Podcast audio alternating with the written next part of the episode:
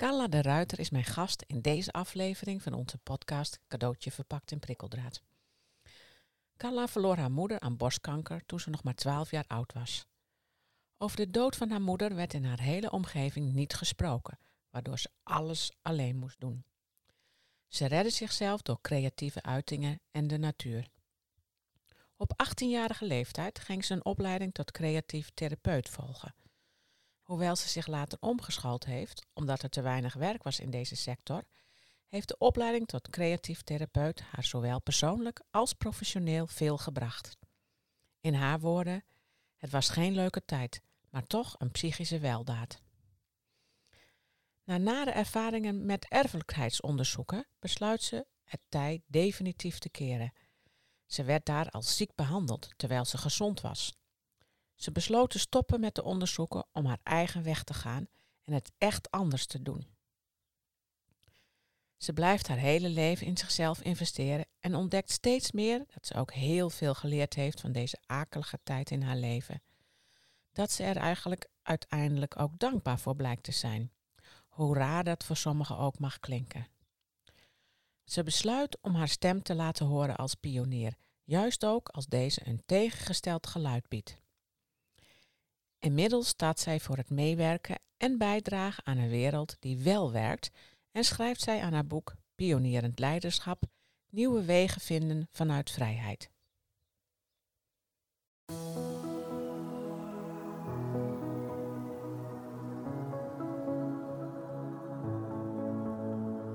Dit is de podcast Cadeautje verpakt in prikkeldraad met Greet Vonk.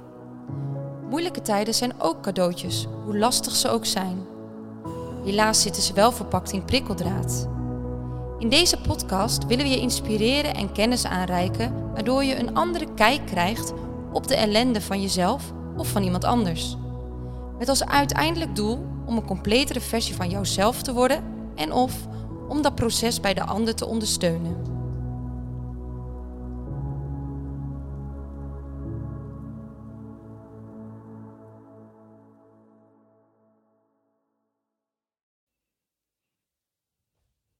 Carla, welkom.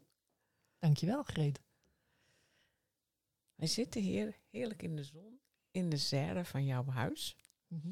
En je hebt heel bewust gekozen om jouw podcast hier op te nemen. Ehm, ja, dat heeft eigenlijk ook met jou, jouw verleden te maken. Hè? Mhm. Ehm, Ja. Mensen weten dat intussen een beetje in het voorverhaal op jonge leeftijd, eh, of jouw jonge leeftijd, en jouw moeder dus ook, is jouw moeder overleden aan borstkanker. Dat heeft heel veel invloed op jouw leven gehad, daar gaan we het vandaag over hebben. Ook heel veel positieve invloed uiteindelijk. Ja. Ehm, maar dat we hier in jouw huis zitten, heeft daar ook mee te maken. Zo van, nou, dat vertelde je in een voorverhaal. Eigenlijk zo van ja, is dit het eerste huis? Zo van ja, dat, dat is mijn stem of zo, hè? Dat mijn stem. Wil je daar iets over zeggen? Ehm, ja, zeker. Ja, door de, ik, ben er altijd van overtuigd dat wat je ooit meemaakt, hè, ervaringen die diepe impact op je hebben gemaakt, dat die iets te betekenen hebben. En ik ben wel, ik heb vooral gekeken naar, hey, wat, wat is nou, hè, na jaren, wa- wat zie je daarin nou gebeuren? En ik kwam erachter dat ik ehm, vaak me in moest houden. In mijn opvoeding in, in, in mijn jeugd, in hoe ik met dingen omging. Ehm, ik dacht vaak hele andere dingen of ik wilde vaak hele andere dingen dan dat er gebeurde. En dan, gaat, dan is de rode draad van kan je je eigen stem laten horen. Want dat is zo belangrijk, niet alleen voor mij, maar voor iedereen. Als iedereen heel authentiek zijn eigen geluid mag geven, dan zou de wereld er heel anders uitzien. Nou, en dat is ook waarom ik ben gaan verhuizen. Ik voelde me niet prettig meer op de werk of op de woonplek waar ik zat. En ik wilde teg- tegelijkertijd centraler in het land wonen. Dus ik ben op zoek gegaan. Maar een van mijn allergrootste wensen was om heel natuurlijk te kunnen wonen. Eh, ik hou enorm van de natuur. En ik hou ook van rust en stilte. Nou ja, vind zo'n plek nog maar eens. En, eh, en betaalbaar. Maar die plek heb ik uiteindelijk gevonden. Ik ben gaan kijken en ik wilde dat doen. Ik wilde die koop sluiten zonder inmenging van wie dan ook. Dus de enige die iets over de koop heeft eh, verteld en mij heeft geadviseerd is mijn financiële adviseur. En eh, ik heb het na het rondje met de makelaar meteen gekocht. En eh, heb daar geen moment spijt van gehad. Dus het was ook echt de plek waarvan ik dacht... Ik weet nog dat ik wegreed na de bezichtiging van... wow, hier had ik mijn hele leven al willen wonen. Zo van ontroering en verliefd zijn op de plek. En eh, nou, dat, ja, je ziet het. Het is wel een plek die helemaal mij uitstraalt. Ik heb daar heel veel aan verbouwd. Heel veel eh, in, de, in de drie jaar dat ik hier nu woon aan veranderd. Zowel als de tuin als, eh, als in huis zelf. Maar dat is wel wat het is. Dus ik heb stem gegeven aan ja, wat er binnen in mij leeft. En dat is ook mijn omgeving geworden. Zo binnen, zo buiten. Ja, mooi. Nou, we zitten hier heerlijk. Ja, letterlijk in de serre en ik heb de zon in de rug. Nou, fantastisch. ik ben ook een zonmens, dus eh, daar word ik altijd blij van. Ja. Ja, helemaal mooi. Laten we even beginnen bij het begin, want eh, waarom jij in deze pod- eh, podcast zit. Hè? Jouw, jouw moeder is op jonge leeftijd overleden aan borstkanker. Dat heeft veel met jou gedaan. Mhm. Wil jij kort iets daar, of nou ja, kort, wil je daar iets over zeggen? Ja, ik was tien dat, toen zij eh, ziek werd. En zij kreeg eh, borstkanker. En ja, in het begin, ja, en als klein meisje heb je niet zo heel veel idee van wat er allemaal eh, gebeurt. Je merkt wel dat ja, op het moment dat je moeder opgenomen wordt in het ziekenhuis, ja, dat dat natuurlijk heel veel impact heeft al. Ehm, en ik weet nog dat ik mijn moeder ooit vraag van, nou, ga je nou, ik vroeg haar, ga je nou dood? En toen zei ze, nee, nee, nee, zeker niet. En, eh, dus dat werd ook een, beetje zo van gesust van, nee, dat is niet waar. Dus ik was alweer gerustgesteld. Totdat uiteindelijk na die twee jaar, hè, of uiteindelijk twee jaar later, eh, is ze overleden. En eh, ja, dan, dat, dat voel je natuurlijk wel aankomen. Dat werd, daar werd ook heel open over gesproken verder. En dat was wel duidelijk dat dat ging gebeuren. Ja, precies. En toen was je twaalf. Ja. En toen had je geen moeder meer. Ja. Die heb je dan nog wel heel erg nodig. Ja, het was op een hele cruciale leeftijd. Ehm, ik weet nog dat het gebeurde in de kerstvakantie. Dus dan ben je net even vrij eh, van school. En ontzettend verdrietig natuurlijk. En ehm, ja, dat, dat- dat kan je gewoon niet beschrijven hoe erg dat is en hoe dat, hè, hoeveel verdriet dat veroorzaakt. Maar ik, ik, ik herinner me nog heel erg goed dat ik toen op school weer kwam na die kerstvakantie. En eh, dat niemand daarover begon. De meester niet en de, de, mijn vriendinnetjes niet, niemand. Dus Terwijl ze het wel wisten. ze wisten het, ja, ze wisten het. Dus dat was heel apart. Dus ik voelde me natuurlijk een vreemdeling eh, vanaf dat moment. En dat wil je nou juist niet op zo'n leeftijd. Dus dat, ja, dat, dat was ook zo bijzonder. En daar kwam bij, dat het was natuurlijk een tijd, 1982 hebben we het over, dat ehm, het, er lag gewoon een taboe op. Het kwam gewoon bijna niet voor in die tijd. Althans, hè, op die hele school. Nou ja, misschien was het één keer eerder voorgekomen of zo. De, leerkrachten hadden daar geen ervaring mee. En er kwam bij dat het ook in de maatschappij gewoon een, eh, een onderwerp was wat gewoon niet echt bespreekbaar was. En eh, ik kende ook trouwens niemand, geen lotgenoten. Ik kende niemand die zoiets was overkomen. Dus je staat er alleen voor. En ik heb nog een oudere broer en mijn vader, die waren er natuurlijk nog wel. Maar die, ja, het werd doodgezwegen. Het was zo'n pijnlijk verhaal dat mijn vader kon er niet over praten. En, eh, ja, en mijn broer sloot zich op. Dus, dus dat, ja. En ik deed eigenlijk hetzelfde. Ik praatte er niet over, omdat dat ook het voorbeeld was wat ik kreeg. Maar van binnen gebeurde daar natuurlijk van alles. Ja, precies. Ja. Eh, Moeilijk is dat dan, hè? Dat, Ja. dat, dat, en dat is natuurlijk nog steeds heel vaak zo. Dat we leven met elkaar in een wereld waarbij moeilijke emoties toch nog steeds heel moeilijk zijn. Waardoor mensen er ook niet over durven te praten. Ja, hoewel ik ge- gelukkig wel zie dat er nu sowieso op scholen veel opener gepraat wordt over dit soort dingen. En ehm, dat het belang daarvan ook meer gezien wordt. Dus daar ben ik altijd al heel blij om. Van, oh, als je, nu zie ik wel eens kinderen die zoiets is overkomen. En dan denk ik, oh gelukkig, Ja, het kan anders. ja dat is die, daar, gel- ja, nou, in die 40 jaar hebben we wel, zijn we wel opgeschoten, Ja. gelukkig. Ja. Dat is ook wel heel belangrijk. Want dat heb jij dan niet meegekregen destijds. Wat heeft dat voor jou betekend? Dat ik alles zelf moest doen. De- want je moet je dan voorstellen dat ik wel het besef had wat er natuurlijk gebeurde. Ik weet zelfs nog letterlijk dat ik dacht, oh ja, nu zullen mensen wel denken dat ik niet snap wat er nu allemaal gebeurt en wat voor impact dat heeft. Maar dat had ik dus wel. Ja. Dat vond ik al heel bijzonder. Van dat je dat dan ook nog bijblijft. Hè? Dat je dat heel bewust denkt. en wat er dus, ja, en wat, wat heeft dat gedaan? Ja. Het heeft je mijn hele wereld op de kop gezet in die beginfase. Maar ik ging ook gewoon door. Je moet gewoon, ik ging naar de middelbare school daarna. En ehm, mijn vader kreeg alweer vrij snel een nieuwe liefde. Dus die, en er kwam dus ook een andere vrouw in huis. En aan de ene kant was dat fijn, want daardoor hoefde ik dat ook niet allemaal te gaan vertellen. Als er dan vriendinnetjes thuis kwamen, dan was het net alsof dat mijn moeder was. En dan was je niet anders dan de rest. Maar zij was totaal anders dan mijn moeder. En ik, kon eigenlijk helemaal niet met haar opschieten. Dus dat was natuurlijk ook niet fijn. Dus ook daarin stond ik er alleen voor. Mijn vader kreeg met haar veel ruzie. Dus dat was een totaal andere sfeer waar je eigenlijk ook als kind helemaal niet in wilt uh, zitten. Um, dus ik deed gewoon mijn eigen ding. Jij leefde soort van solitair in je eigen gezin. Ja. Ja.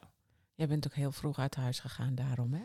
Ja, nou ja, wat is vroeg? Ik, kan, ik weet niet precies. Volgens mij was het ergens op mijn achttiende. Mm Maar ik ben gewoon uh, van het een op het andere moment gewoon gegaan. Omdat ik dacht, nou, ik, uh, als ik nu niet uit huis ga, gaat dat voor mijn psychische gesteldheid uh, alleen maar ja, verkeerd uitpakken.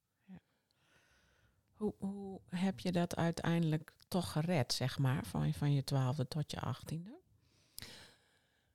Um, ja, door heel erg van, bij dag, van dag tot dag te leven. En ik leefde in een wereld die heel erg mijn fantasiewereld was. Ik, um, zoals ik al zei aan het begin, ik hou enorm van natuur. Ik ben heel muzikaal. Dus ik sloot me eigenlijk op in allerlei creatieve uitingen. En ik denk zeker dat dat mijn redding geworden is en geweest is, want daarin kon ik me uiten.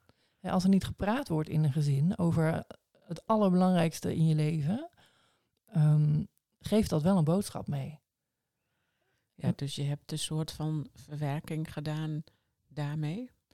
Ja, nou ja, ik was al vrij muzikaal van kinds af aan, dus dat, dat ging gewoon door. En daar had ik gewoon mijn, mijn route in. Ik speelde piano en ik had daar les in. Dus dat was, dat was prima. ja, je moet gewoon voor school dingen leren. Dus dat, dat leven gaat, hè, dat heeft al een bepaalde structuur, gaat gewoon door.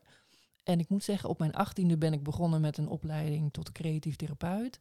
En daarin, uh, dat is eigenlijk een opleiding waarin je dus later mensen gaat uh, in therapie neemt, kinderen of volwassenen, zonder dat ze daarbij hoeven te praten, maar vooral door het te doen en door de expressie te geven aan je stem, door beeldende materialen kun je veranderingsprocessen op gang zetten. En het hele bijzondere was dat ik vanaf van tevoren wist van nou dat is wat ik gewoon moet doen. En dat zie je het maar als een therapeutische wasstraat. Je gaat daarin en ik kwam daar vijf jaar later eh, schoon en gewassen uit. Mhm. dus psychisch was dat voor mij uh, een, een weldaad, omdat het was niet leuk, want je moet van allerlei dingen doen om ook dus die trauma's daarin te verwerken, voordat je anderen kunt helpen. En, en dat is gelukt. Dus ik kwam daar, uh, ik, ik was echt een heel stuk opgeschoten en ik begon het ook leuk te vinden. Ging je nou die opleiding doen omdat je zelf therapeut wilde worden of omdat je, of omdat je wist van ik, ik, ik moet er nog wat mee? Allebei. Ja. ja. Het mes snijdt aan twee kanten. Ja, precies. ja. Wat, wat herinner je van die opleiding als um, meest indrukwekkend? Wat vond ik indrukwekkend? Nou, ik had een hoofddocent, Klaus Beugel, dat is een Duitse kunstenaar. En die had heel erg door wat er met mij aan de hand was. En hij had zelf, zelf net een jaar daarvoor zijn vrouw verloren. En hij had daar rituelen voor bedacht. En dan had hij ook laten zien hoe hij dat verwerkt had. En dan was ik zo van onder de indruk. Want ik dacht, ja, die man snapt dat. En um, vervolgens gaf hij ook les in hoe je dus die rituelen op kon zetten. Dus dat heb ik ook gedaan. En uh, nou, dan moet je echt denken aan dat je uh, ja, kunst gaat natuurlijk ook over schoonheid hè, en over hoe iets. Maar het gaat natuurlijk ook over die innerlijke processen. En dat, nou, dus wat ik ook heb gedaan, ik weet nog dat ik een foto van mijn moeder verbrandde in een of andere presentatie die ik deed. En dat had heel veel impact, omdat je, ja, het is een loslatingsproces, maar het is nogal wat om natuurlijk zo'n foto te verbranden. Uh, maar het had wel het juiste effect. Dus dat, dus dat, zijn, ja, dat zijn wel onderdelen van zo'n, van zo'n opleiding die, uh, die je niet vergeet. Poeh, de foto van je moeder verbranden. Ja. Ik geloof wel dat ik een kopie gemaakt had nog. Ja. maar ik kan me voorstellen dat dat ook situaties is waarbij het niet het goede effect heeft. Kan dat? Nou, dat had gekund, maar het werd dan wel zo. Uh, het wordt je wel zo geleerd dat het allemaal wel klopt. Dat er een veiligheid is en dat, het, uh, dat er een positief effect is. Kijk, in rituelen heb je een aantal symbolen die je kunt weergeven. Dus die maken de kracht, zeg maar, van een ritueel. En een foto is een symbool. Ja. Ja. Bijzonder. Ja. En uh, toen had je die opleiding uh, uh, gedaan. Ja. En ben je ook therapeut geworden? Nou, ik geloof dat de creatieve therapieopleiding, als je daar vanaf komt, heb je, staat geloof ik in de top drie van um, beroepen waar je het minste werk in hebt, momenteel. En dat was toen ook al. Um, ik vond wel, ja, ik wilde wel een beetje natuurlijk in die richting blijven, want ik vond niet een fulltime baan als creatief therapeut. Af en toe op een blauwe maandag kon ik ergens als oproepkracht in, in het ziekenhuis terecht. Maar dat was natuurlijk niet mijn bedoeling. Ik wilde gewoon fulltime aan de, aan de bak. En ik ben toen eerst als activiteitsbegeleiding in de ouderenzorg gaan werken. Maar dat werd al vrij snel voor mij te, te saai. Um, hoewel ik de doelgroep echt anders vond dan wat ik gedacht had dat het zou zijn. Maar, want ik wilde eigenlijk heel graag met kinderen werken. En ik heb drie jaar lang, heb ik toen bij het RIAG nog gewerkt en bij uh, een medisch kinderhuis vanuit een stage. Dat zijn dus vanuit die opleiding heel belangrijk dat je dus, dus de, de ervaring al opdoet. Dus die eerste drie jaar, die waren al super interessant natuurlijk en mooi. Maar voor de rest uh, nou, heb ik eigenlijk er heel weinig in die zin in een beroep mee gedaan. Maar wat ik daar vooral van geleerd heb, is te denken in mogelijkheden. Als er één probleem is, heb ik 200 oplossingen. En misschien nog wel meer. Ja, er gaat één deur dicht, maar dan gaan er weer hele deuren open. Ja, dus dat geeft zoveel flexibiliteit in je denken en in je handelen. Dat is natuurlijk een enorme kracht. Ja, precies. Dus die opleiding, eh, ondanks dat je er niet heel veel mee gedaan heeft, heeft het jou heel veel gebracht, zowel professioneel als persoonlijk. Hey, jij hebt uh, dus, um, ja, om je met je, nou ja, om het woord maar even zeggen, met je shit om te gaan, hè, want dat is natuurlijk wel als je zo jong je moeder verliest ben je dat soort dingen, ben je nou ja, met muziek gaan werken, creatieve therapie gaan studeren. Heb je nog meer dingen gedaan um, om ja, uiteindelijk te komen waar je nu staat? Ja, zeker. Ja, want het houdt niet op. Ik denk dat dat, er gaan jaren overheen voor je kan zeggen, nou hè, hè, nu ben ik het kwijt in die zin. En nu kan ik zien dat ik er zelfs dankbaar voor ben dat dat gebeurd is in mijn leven. Um, dat is wel een overwinning als je dat kan zeggen. Ik krijg er nog kippenvel van nu als ik dat zeg. Ja, dat, ehm, dat is ook iets wat heel veel. Daar moeten we straks nog even op in, uh, inzoomen. Want dat, dat is voor heel veel mensen toch um, moeilijk. Hè? Dat je kunt voorstellen dat je op een gegeven moment dankbaar bent voor de ellende in je leven. En dat toch kan dat. Maar dat is. Ja. Dat, ja, op zijn kruiviaans. Je ziet het pas als je het ziet. Ja. En daar is een hoop werk voor nodig. Nou, dat, vooral dat. Want je zegt, wat heb je nog meer gedaan? Nou, wat ik gedaan heb van allerlei therapieën zelf, tot coaching, tot... Uh, ja, er, zijn er is natuurlijk zo ontzettend veel wat je kunt doen. Er wordt alleen maar meer, gelukkig. Uh, ik vond gewoon een hele goede therapeut en, uh, en een goede coach. En nou, zo door de jaren heen en op een gegeven moment was dat, merkte ik dat dat wel klaar was. Dat ik, ik leerde mezelf natuurlijk heel goed kennen van binnen en van buiten. En, ehm, maar, maar, misschien een van de dingen die heel belangrijk zijn geweest in dat proces is dat ik op mijn 25ste een uh, erfelijkheidsonderzoek heb gedaan naar erfelijke borstkanker. Want dat werd mij aangeboden, want in mijn familie waren er meerdere vrouwen van de kant van mijn moeder in de familie die ook borstkanker kregen. En ehm, ja, ondanks dat dat natuurlijk wel een hele grote angst was, van oh jee, ik zal toch niet, hè, dacht ik, nou, ik moet het maar doen, want dan weet ik het. En dat ben ik toen gaan doen.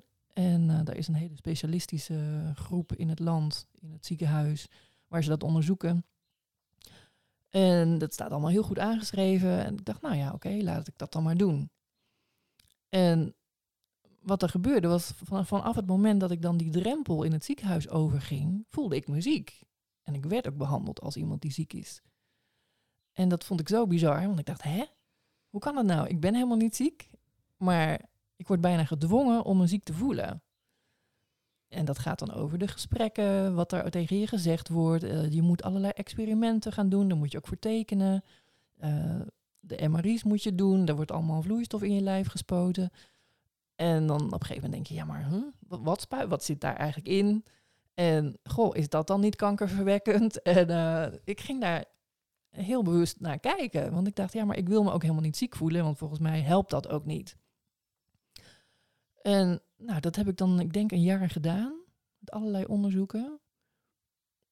Terwijl ik dacht, ja, nou, ik ga daar eigenlijk niet op vooruit. Maar wat, er, wat, ik, wat mij het meest bijbleef, was dat zonder dat er ook maar enige uitslag was van of ik nou wel of niet dat borstkankergen had, um, werd er tegen mij gezegd, jij hebt 89, huppelde procent kans dat je het hebt gezien de, de, de, de, frequentie in hoe het, hè, hoeveel het voorkomt in jouw familie. En wij adviseren jou om nu al uh, een preventieve borstamputatie te doen en je eierstokken weg te laten halen. En toen was je 25? 25. My god. Ja, dus wat, ik, wat daar eigenlijk gebeurde was dat ik daar um, natuurlijk van schrok. En ook heel, ik raakte in een depressie. Want ik kon daar dus ook weer niet over praten, ook maar niet met mijn partner. En um, dat was natuurlijk ook wel een beetje wat ik dan van huis uit mee had gekregen. Althans, ik kon er wel over praten, maar hij weer niet. Dus nou, dat was allemaal heel erg ingewikkeld. En in mijn omgeving waren er wel mensen waar ik gelukkig daarover uh, mee kon praten. Uh, maar ik werd daar een soort, in een soort sluimerende depressie, werd ik daar natuurlijk niet gelukkiger van. En ik weet nog dat ik echt al, dan reed ik van mijn werk naar huis en dan zat ik in die tussentijd te denken, oh ja, hoe moet mijn begrafenis eruit zien?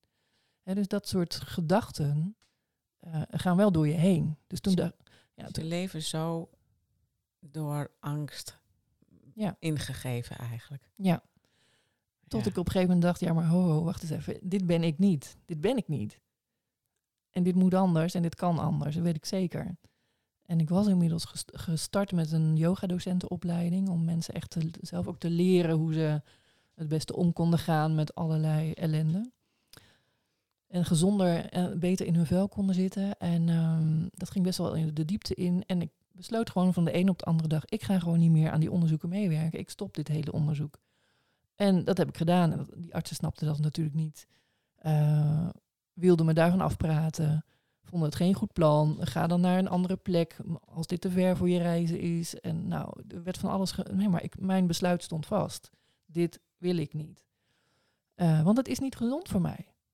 Want ik word ziek zodra ik over jullie drempel stap. En ik word behandeld als iemand die ziek is. En dit is niet de gezondheidszorg die ik nodig heb.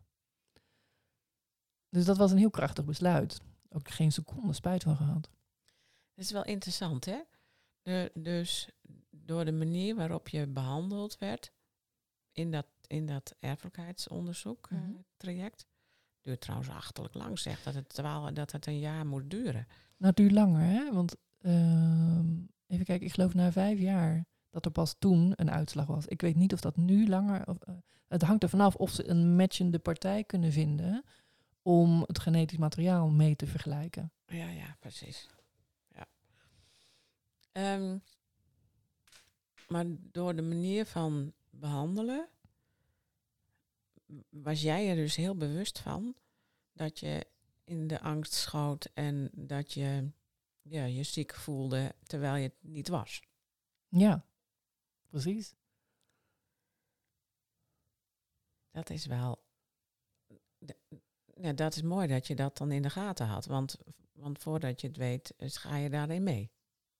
Ja, ik voelde wel intuïtief aan van dit klopt niet. En ik ben op onderzoek uitgegaan.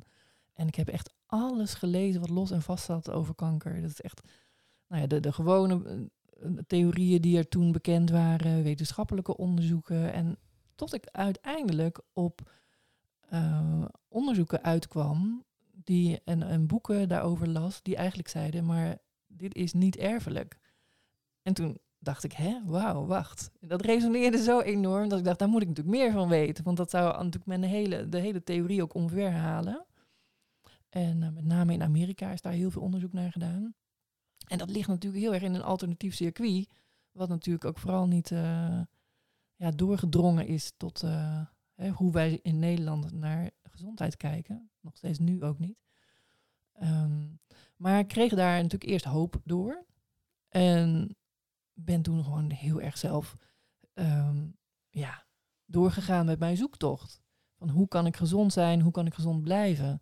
En zag eigenlijk de absurditeit ervan. Van wat ben ik nou aan het doen? Hè? Of wat zijn we aan het doen met erfelijkheidsonderzoeken?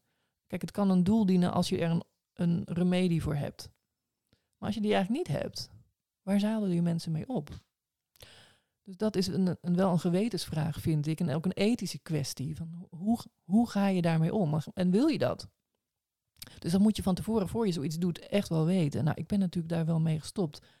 Ben erg gesterkt door wat ik tegenkwam. En uh, zeker in de kwantumfysica is daar zoveel meer over bekend. En kan er ook veel meer. Mindset kan een hele hoop doen. Yoga kan heel erg veel doen. Um, dus de, er is al zoveel meer bekend. Er zijn zoveel alternatieven die je kunt uh, kunt bewandelen. Dus ik was eigenlijk blij. Ik, ik ben daar dus radicaal gestopt met dat uh, fenomeen om daar, hey, ik wilde er niks meer van weten. Maar door het vele lezen daarvan werd eigenlijk kanker ook een, ja, werd voor mij ook een verzachtende factor. Wat, waar ik eerst nog bang voor was, werd mijn grote vriend. Want ik dacht, hé, hey, ik ben iets op het spoor wat eigenlijk nog niemand weet. Nou, dat is fijn. Maar hoe bedoel je? Uh, een vriend? Want dat zullen niet veel mensen je nazeggen. Nou, ik kan me nog herinneren dat toen, ik, toen mijn moeder uh, ziek was, dat ik in de bibliotheek keek en dan liep ik langs de boeken over kanker. En dan liep, liep ik met een hele grote boog omheen. Want dat was natuurlijk, dat was natuurlijk mijn vijand. Ja, zo, op die manier. En op een gegeven moment, ja, dan denk je, oh, dan, dan komt er interesse voor in de plaats. En dat is een omslagpunt. Ja. Dan merk je van, ik wil er alles van weten. Ja, precies. Ja. En dan weet je ook waar je het nou, over hebt. Nou snap ik wat je bedoelt. Ja. hey, dat was dus eigenlijk het moment dat jij besloot van... Um, ik ga hier uitstappen. Dat was heel cruciaal. Een soort van bevrijding. Ja. En toen? Want, want dan, dan zit je een soort van... In zo'n koker uh, heb je heel lang uh, erin gezeten. En dan stap je er in één keer uit. En dan? Ja, het was sowieso al een, een bevrijding om dat te doen. Um, en het leven ging door. Ik uh, had inmiddels een managementbaan en ik, ik, had daar heel veel plezier in. Ik vond de dingen leuk in mijn leven die ik deed. En um, nou, ik was eigenlijk in een andere fase beland. Ik dacht, nou, hè, hè, nou, ik heb het anders vormgegeven voor mezelf. En ik ben gewoon en ik, ik zorg dat ik gezond blijf. Nou, dus, dus, dus dat. Um, en wat ik daar, en wat vooral de boventoon voerde, was eigenlijk op het moment dat je namelijk zoiets naars hebt meegemaakt en uh, zoiets afschuwelijks als dat, een moeder, dat je moeder overlijdt, is dat eigenlijk alles wat daarna gebeurt meevalt. Ja. Want je vergelijkt het altijd daarmee. Dus je krijgt een enorm relativeringsvermogen, dus dat deed ik ook. Want ik, ik kwam in een scheiding terecht. Ja, het was allemaal niet leuk, maar eh, bij, ja, weet je, het was, het was te doen daar kom je overheen. Dat duurt geen jaren. Dat, uh, dus dat was ook een bevrijding. Van, nou, oké, okay, prima. Je merkte daar, daardoor eigenlijk heel erg hoe, hoe sterk je was geworden. Ja, precies. Ja. ja. En dat is altijd gebleven. Dus die, die kracht en die intuïtie samen zorgen in mijn leven gewoon voor heel veel stabiliteit. En dat ik weet, nou ja, oké, okay, wat er ook gebeurt, ik kan het aan, want ik ben door mijn creativiteit ook enorm wendbaar. Ja. Kan je nou zeggen voor jezelf dat je dat te danken hebt aan, aan dat jouw moeder uh, zo vroeg is overleden? Zeg je dat nou eigenlijk? Ja, dat is een van de grootste factoren wel, ja. ja. ja. En het feit dat ik er natuurlijk dat ik heb geleerd om te overleven, want dat is, ik stond er alleen voor. Ik weet nog echt dat ik dacht, toen zij overleed, op het moment dat dat gebeurde, oh, nu ben ik dus echt helemaal alleen. Ondanks dat ik nog een vader had. Uh, maar die was voor mij wat minder in beeld toen. ja, du- dus dat gevoel van het allemaal zelf doen, dat, dat is wel ook een rode draad. Dus je kunt en, en creatief zijn, wendbaar zijn, sterk zijn. ehm, en uiteindelijk heb ik geleerd om ook kwetsbaar te zijn natuurlijk. Hè? Want dat is ook iets wat je in een overlevingsstand gewoon... Daar is geen ruimte voor in zo'n beginfase. Maar dat komt later wel. Dus daar heb ik door allerlei therapieën en zelfonderzoek... En ik ben zelf ook eh, lange tijd coach geweest. Ik heb echt zoveel dingen gedaan. Die anderen helpen, maar ook die mezelf uiteindelijk helpen. Precies. Ik, wil nog even terug naar de tijden we net. Dat jij op een gegeven moment had jij zo'n gevoel van dat je zelfs dankbaar voor de situatie. Hè, dat, ja, dat je moeder zo vroeg was overleden, dat je daar een soort van dankbaarheid naar terug kon kijken. Herinner je dat moment nog? Ehm, ja, goede vraag wanneer dat was. Mm. Ik, kan me, ik, kan me, ik kan er niet meer de vinger op leggen, maar dat is wel ergens in die periode geweest, na, vlak nadat eh, dat ik dat besluit had genomen om niet meer met die onderzoeken door te gaan. Omdat dat op, dat was zo'n grote bevrijding. En toen, het was net alsof ik het plaatje compleet kreeg voor mezelf. Ik, ik ontdekte dat ja, er- gebeurt eigenlijk niks in het leven zomaar. En nou, vanuit mijn yoga-docentenopleiding kreeg ik natuurlijk... eh, Hè, ik ben ook iemand die de diepte ingaat in, eh, in spirituele zin. Maar werd ik er ook van overtuigd dat je ook je ouders kiest als ziel. En dat is misschien niet voor iedereen te volgen, maar dat geeft je zo'n ander, eh, ander perspectief. Dat je ziet van, oh, kijk, je kunt heel erg... eh, als je iets meemaakt in je jeugd, kan je eh, je ouders daar bijvoorbeeld de schuld van blijven geven. Maar dan haal je, je haal, hè, dan zit je in een slachtofferschap. Maar ik wilde geen slachtoffer zijn. En dat hoeft ook niet. Nee, je mag wel even dat zijn, maar, niet, maar je hoeft er Ja. niet in blijven hangen. Dat is, ja. Precies. Dus ik heb dat gewoon ja, op een andere manier. Dus, dus dat, het verschuiven van een perspectief eh, kan je ook vergelijken met een mindset. Is gewoon voor iedereen haalbaar en mogelijk. Als je in ieder geval wel, het vraagt wel het doorzettingsvermogen om ook echt het onderste uit de kant te willen halen. Om jezelf, om een verbeterde versie van jezelf te worden. Ja. Ja, wij zeggen altijd een completere versie, omdat Ja. je zoveel meer over jezelf leert. Ja. Ehm, ja, dat gaf jij eigenlijk in dit gesprek ook al aan. Ja, mooi.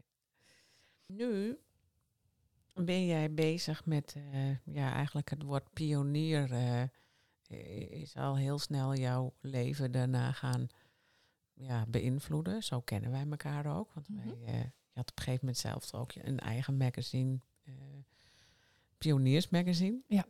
Ehm, kun je ons meenemen in hoe dat woord, ja, nou het is niet alleen, niet alleen een woord voor, voor jou, veel meer dan dat. Maar hoe jij dat linkt aan, ja, hoe jouw leven gestart is. Mhm. Ja, pioniers zijn natuurlijk altijd wel mensen die eh, dingen doen die anders zijn dan wat de massa doet. Hè, wat de meeste mensen doen. Waar mensen rechtsaf gaan, ga ik meestal links. Dat is, ja, daar voel ik de ruimte voor. Dat had ik als kind niet. Dat werd geremd. Maar ik heb dat later wel gekregen en nog steeds. En dat is wel een kenmerk van pioniers. Nou, op een gegeven moment ben ik eh, op een retraite gegaan, zo'n twaalf jaar geleden in Amerika. En daar heb ik drie weken in stilte gezeten en gemediteerd. Met een hele groep mensen, iets van 250 mensen. En prachtig daar in de bergen, waar de natuur nog heel erg ehm, ongerept is. was echt heel bijzonder. Als dat, was een, eh, dat, dat vond plaats op een terrein waar alleen maar boeddhisten geweest waren. En in dat, eh, op dat terrein, wat heel uitgestrekt was, daar was de natuur ook zo bijzonder. Want alle, er waren bijvoorbeeld herten met jongen en die liepen zo je tent in. Want die kenden geen gevaar van mensen. Die waren alleen maar gewend aan, eh, aan, aan, vrede en vredelievendheid. Heel bijzonder om dat mee te maken. Ehm, dus dat heeft, ja, die, drie weken hebben heel veel impact op mij gemaakt. Want als je mediteert, en ik had al een hele eh, jaren als meditatiedocent, eh, ben ik opgeleid ook, had ik achter de rug. Maar als je drie weken in stilte bent en je mag ook niemand aankijken, want oogcontact zorgt ook weer voor allerlei uh, gedachten en afleiders als het ware. Nou, als je drie weken kunt mediteren in stilte, dan kan het twee kanten op gaan. Of je wordt gillend gek, of je komt in, uh, op een plek in jezelf die zo stil is. En zo, ja, waar, waar je ook geen enkele behoefte meer hebt of wat dan ook. Nou, dat laatste gebeurde bij mij. En ik kon schouwen naar binnen. Dus dan zat ik in een meditatie en dat was op de zevende dag, weet ik nog, dat dat gebeurde. En, en ik zat daar en ik had al anderhalf jaar enorme zenuwpijnen in mijn rug.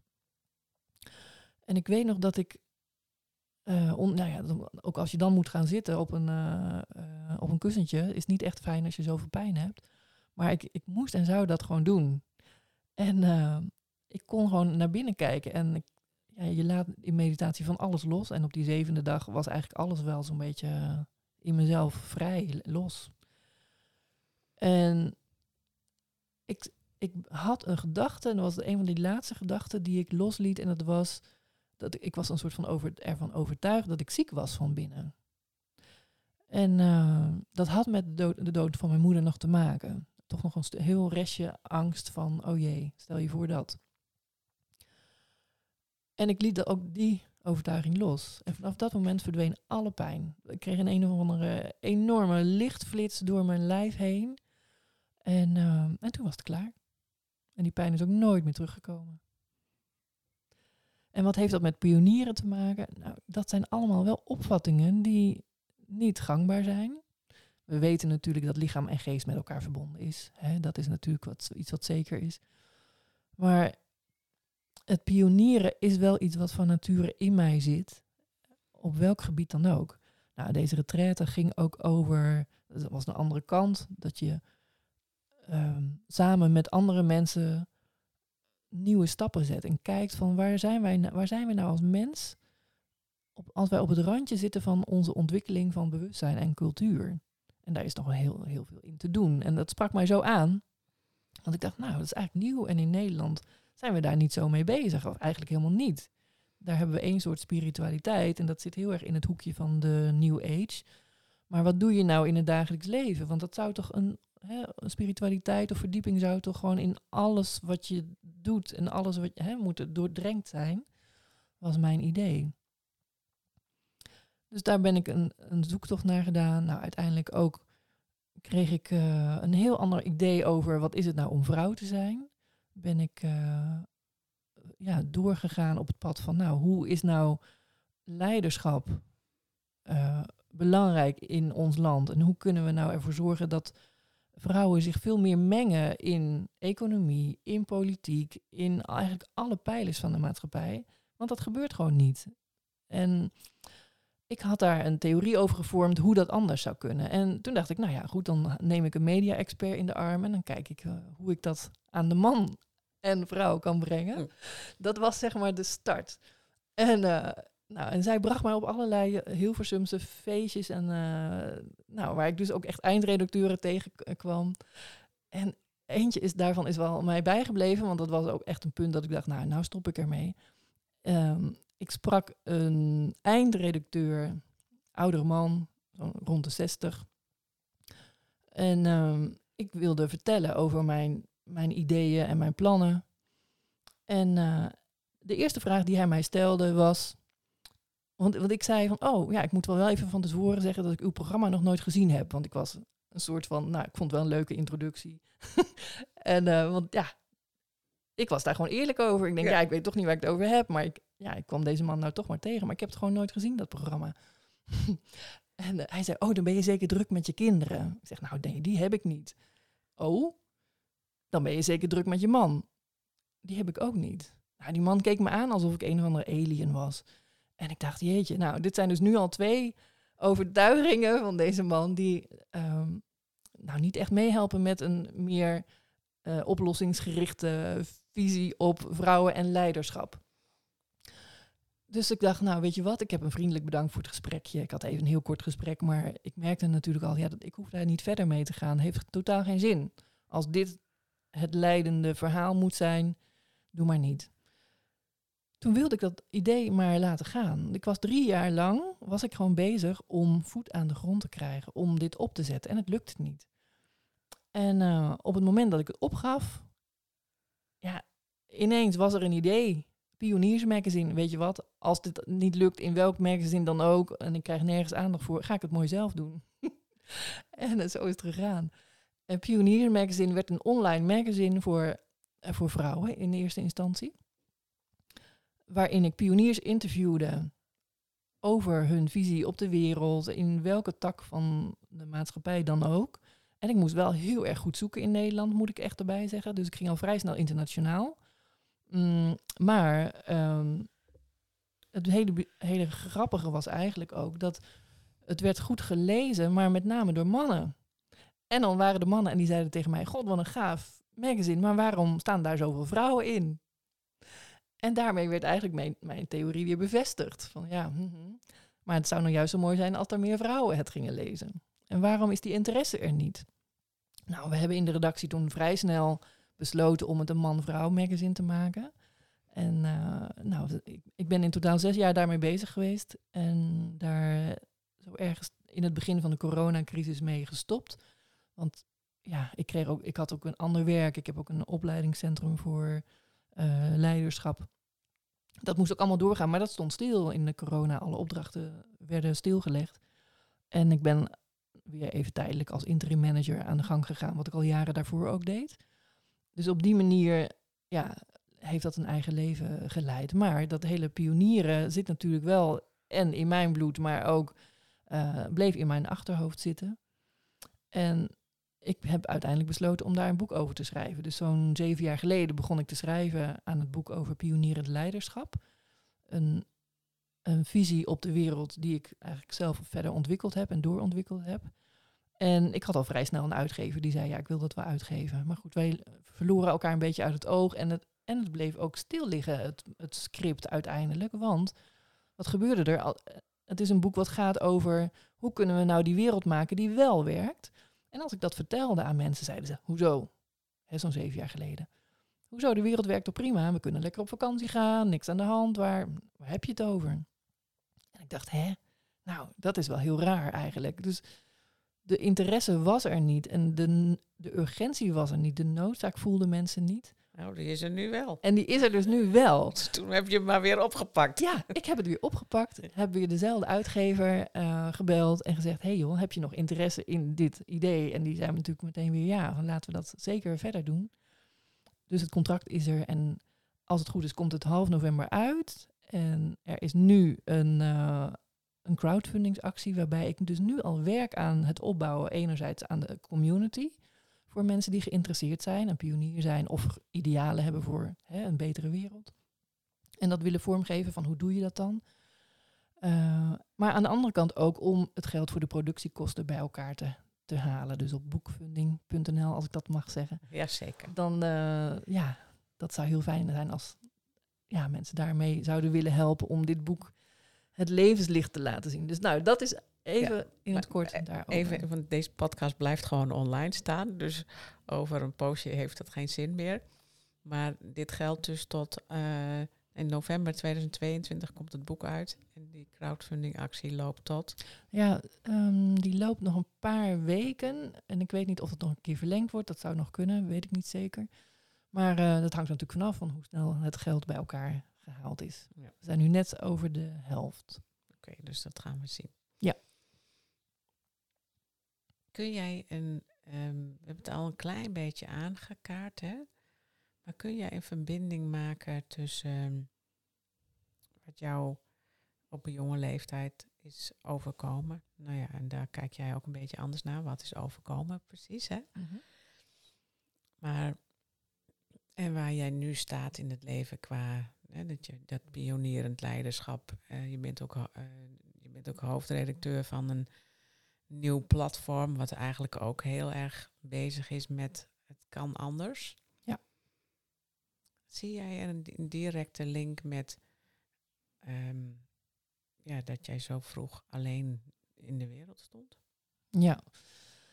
Ja, het is ook niet het, natuurlijk voor niks dat ik allerlei leidinggevende functies heb gehad.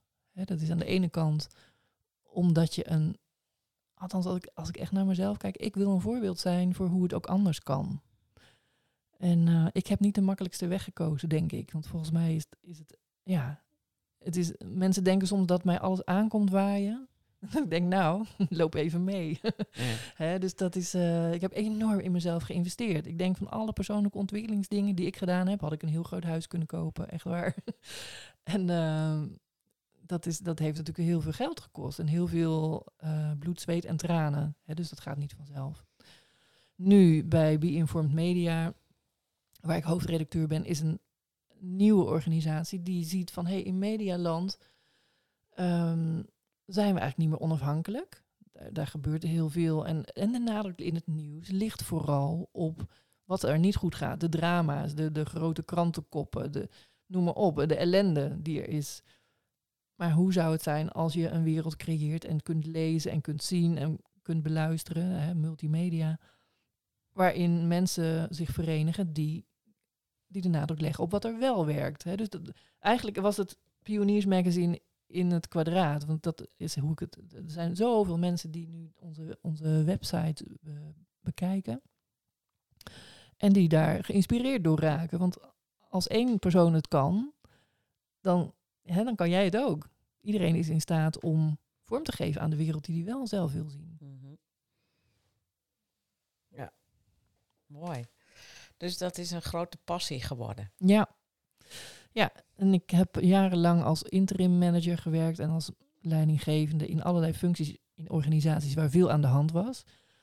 Als ja, crisismanager kun je eigenlijk wel zeggen. Ik heb er jarenlang van genoten om in de puinhopen te werken en er iets moois achter te laten. En dat ging in het begin duurde dat even en het ging steeds sneller omdat ik door had hoe het moet. Uh, dus je wordt daar heel handig in. En ik genoot er ook van om de menselijkheid helemaal terug te halen in organisaties. Want daar, nou, er is vaak een gebrek aan als je in zulke organisaties komt. Mensen zitten in een overlevingsstand. Dus ik zag eigenlijk wat er natuurlijk al jaren in mezelf aan de gang geweest was. Uh, in een versnelling terug in organisaties. Het is hetzelfde proces. Dus dan weet je ook wat je daar moet doen. Dus dat is, er zijn ook niet. Ja, je kan honderd managementboeken erover lezen met trucjes, manieren hoe het allemaal moet. Maar als jij daar gewoon als mens binnenkomt en je laat die menselijkheid zien en duidelijke grenzen van wat er wel kan en wat er niet kan, kom je wel een heel eind. Dus ik heb dat op een ja, wat andere manier gedaan dan de meeste mensen doen. En ik denk dat het daarom ook effect heeft. Maar na ja, weer een opdracht dacht ik uh, vorig jaar, weet je, ik eigenlijk, hmm, eigenlijk wil ik nu zo graag werken in een organisatie waar uh, meer inspiratie uit voortkomt. Want op het, wat, wat, er is wel een effect als je in een ongezonde leefomgeving en werkomgeving werkt, in dit geval, heeft dat natuurlijk altijd weerslag op jezelf. En ik dacht, nou, eigenlijk wil ik dat niet meer voor nu. En um, we, we, zitten in een maatschappij waar heel veel aan de hand is momenteel. Het is heel turbulent. Er zijn alle, we ontdekken dat de oude systemen niet meer werken. En ik wilde graag in een nieuw systeem werken. Eigenlijk helemaal geen systeem, maar in ieder geval... Nieuwe omgeving. Nieuwe omgeving met positiviteit. En nou, die heb ik nu gevonden. Ik werd uh, uitgenodigd door Nico Sloot, een documentairemaker. En uh, die heeft een prachtige documentaire gemaakt vanuit het ondernemingsoogpunt over hoe kun je nou kijken naar uh, COVID. was echt in die beginfase. En uh, ik was daarvan onder de indruk. En zo kwamen wij ook nog wel destijds in contact, heel even, voor Pioniers Magazine nog. Maar dat was net op de, in de eindfase daarvan. Dus dat interview voor hem, met hem is daar nooit gekomen. Maar hij had mij wel onthouden en hij dacht, hé, hey, die wil ik als hoofdredacteur.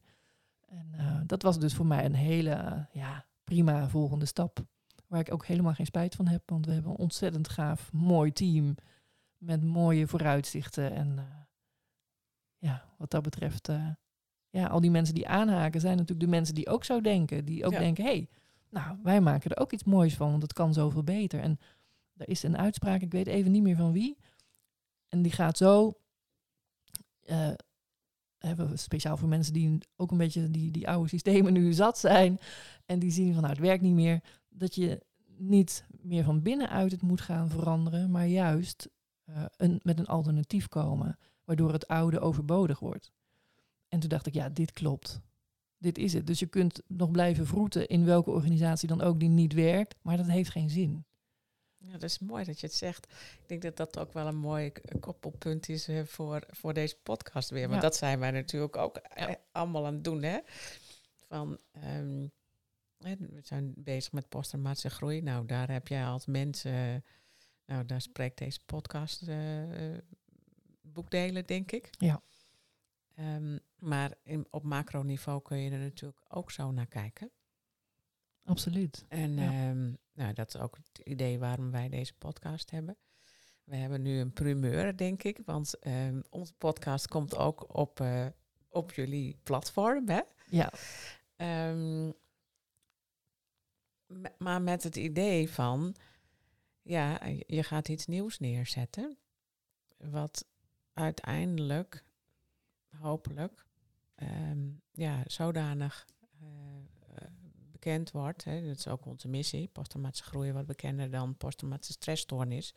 Ja. Um, met het idee van dat veel meer mensen op die manier begeleid worden. Ja, dat is natuurlijk. Uh, ik, ik vind ook de podcast die jullie doen zo inspirerend. Omdat dat. En ik, ik heb begrepen, heel veel mensen, want hij wordt goed, goed beluisterd.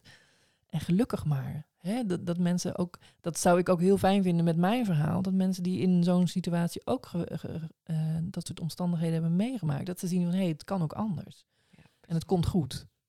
Als je, hè, als je daar wat voor doet, maar het komt uiteindelijk goed. Ja, het is, het is geen happy de peppy verhaal. Hè, pas dan mensen groei realiseren. Ik bedoel, nou, dat heb jij ook, denk ik, heel goed onderschreven. Het gaat niet vanzelf. Het nee. is hard werken, maar het kan wel. Nou, ik denk dat het wel uh, dat we eigenlijk een hele mooie uh, afronding ja, hebben op die manier. Maar ik vraag toch altijd even voor de zekerheid: zijn wij nog iets vergeten? Heb jij zoiets van, nou, het is nog wel iets wat ik heel graag nog zou willen delen? Nou, volgens mij niet. Hebben we alles uh, zo'n beetje wel besproken. Wat volgens mij belangrijk is in, de, in deze context. Ja. Nou, dan sluiten wij af. Dankjewel. Jij dank heel erg bedankt, Carla. En uh, nou, mocht je inderdaad um, interesse hebben in pionierend leiderschap, kijk even op de website. Waar, welke website is het? Want dat heb je volgens mij niet genoemd.